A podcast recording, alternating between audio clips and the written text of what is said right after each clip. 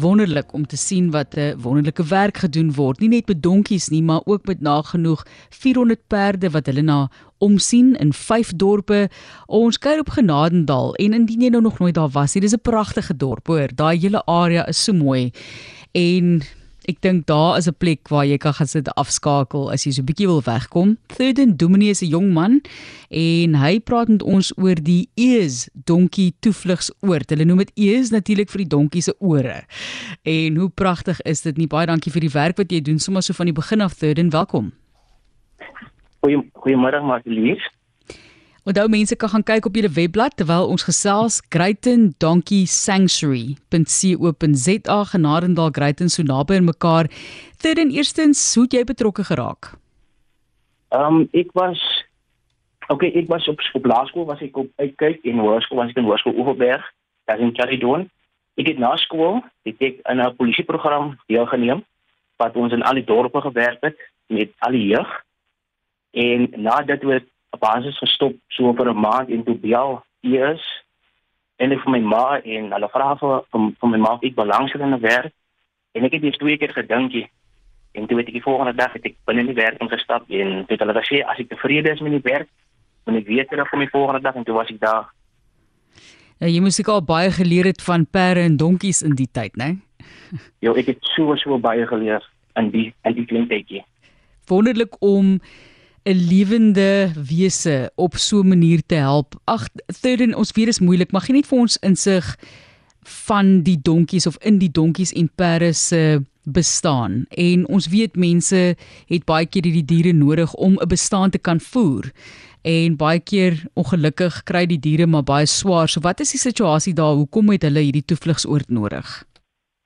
Okay, so so maar dis nou opgenoem het, ehm um, baie van die mense mense gebruik dit nou vir werk en hulle ry hout aan en dan som van hulle ons het in Krytenis aan markie waar som van die van die jeug met die eienaars se perde afkom en hulle gee die mense die toeriste en die mense wat kom kuier in Kryten gee hulle rytjies in soos ook basiese inkomste vir die vir die mense in, in ons dorpies in. En en dan maar perde en donkies was basies gebruik in die ou dae vir werk vir ploë en al die dinge om ja toe miskien toe daar nie voente het bestaan het nie, was dit alles gebruik voor. Julle praat nou hier van baie baie diere. Dis nie 'n grap nie. As mens kyk na 400 perde wat julle nou kyk, so julle die toevlugs ook oort vir die donkies en dan kyk julle na 400 perde in vyf verskillende dorpe soos wat ek vroeër genoem het. Greyten, Genadendal, Voorste Kraal, Bereewil en Bosmans Kloof. Hoe werk dit spesifiek? Ek meen dit is 'n jy jy praat van 'n 10 km radius sover ek verstaan of 10 km buite Greyten wat hierdie dienste aangebied word. Gaan julle na mense toe bring hulle die diere na julle toe? Wat wat word van julle verwag? Okay, ons ehm um, as ehm um, by eers ons is 'n NPO, so ons is 'n welfare en ons werk basies net op donasies. So ons gaan uit in die dorpe in waar ons veterinêre keuses doen op perde wat beseer geraak het.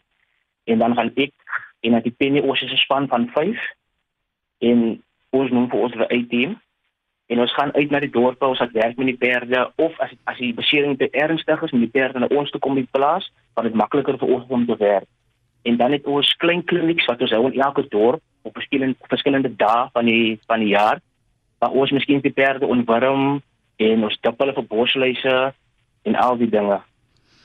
Penny James is die bestuurder daarso en dan is daar drie assistente insluitend jy Third and Domini van Genade en David met ons praat oor Ees Donkie Toevlugsoord.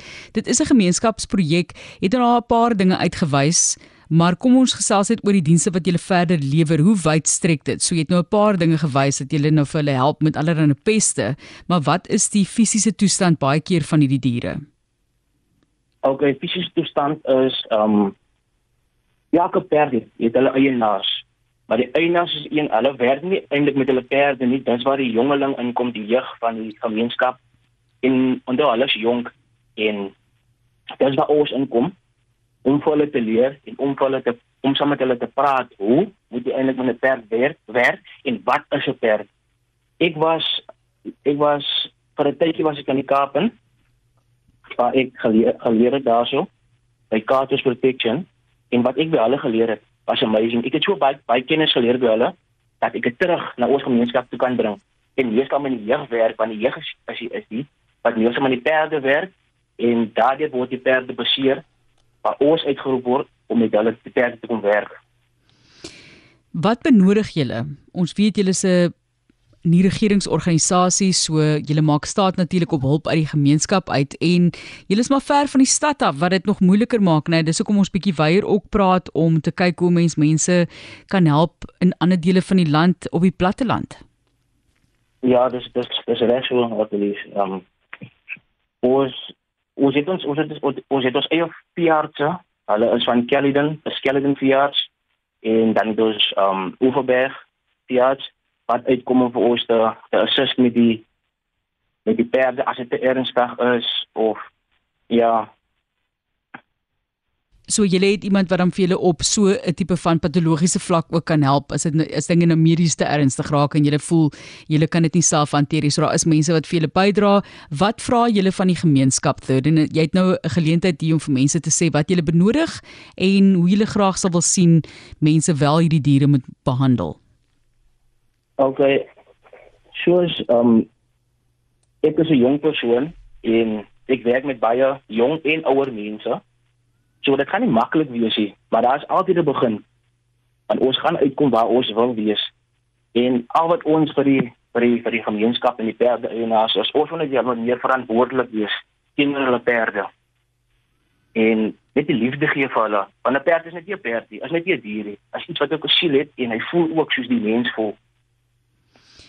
Ai, hoe dankbaar is ons vir mense soos jy wat ja gesê het vir hierdie geleentheid nie, want jy was eintlik in 'n hele ander rigting op pad met jou loopbaankeuse vir die toekoms. Third en waar sien jy jouself in die toekoms met die werk wat jy tans doen? Het jy oog op iets anders of dink jy jy wil daarso ploeg so lank as moontlik?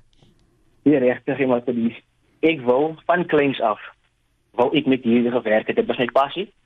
Ek het my eie perde geënt toe ek 16 was. En ek het geleentheid kry by eers het ek dit gevat sonder om te twyfel. Toe kry ek die geleentheid om in Katos protection te gaan studeer vir 6 maande waar ek baie baie so baie geleer het by hulle en ek het bring dit terug am um, eers toe. En ek wil net baie dankie sê vir eers wat die Here vir my oopgemaak het en ek wil dankie sê vir Aap want is deur hulle Aap is 'n um, 'n gimnasie as deur hulle wat ek in die Kaap kon gewees het en dan wil ek net dankie sê vir vir, paar dinge wat hulle deur vir my opgemaak het vir my om daar te wees. En ek het so baie by hulle geleer. Trots op jou third en sterkte met die werk vorentoe en mense kan op die webblad gaan kyk vir meer inligting om daar kontak te maak met julle dalk wil hulle ook help of bydra en groete vir Penny en die res van die span. Ek sal so maar baie dankie maar lees dit dan Third and Dumini van Genadendal wat vir ons meer vertel het van Ees Donkie toevlugsoord en hy is ook uh, waar hulle natuurlik ook mediese en ondersteuningsdienste aan nagenoeg 400 perde in 5 dorpe verskaf.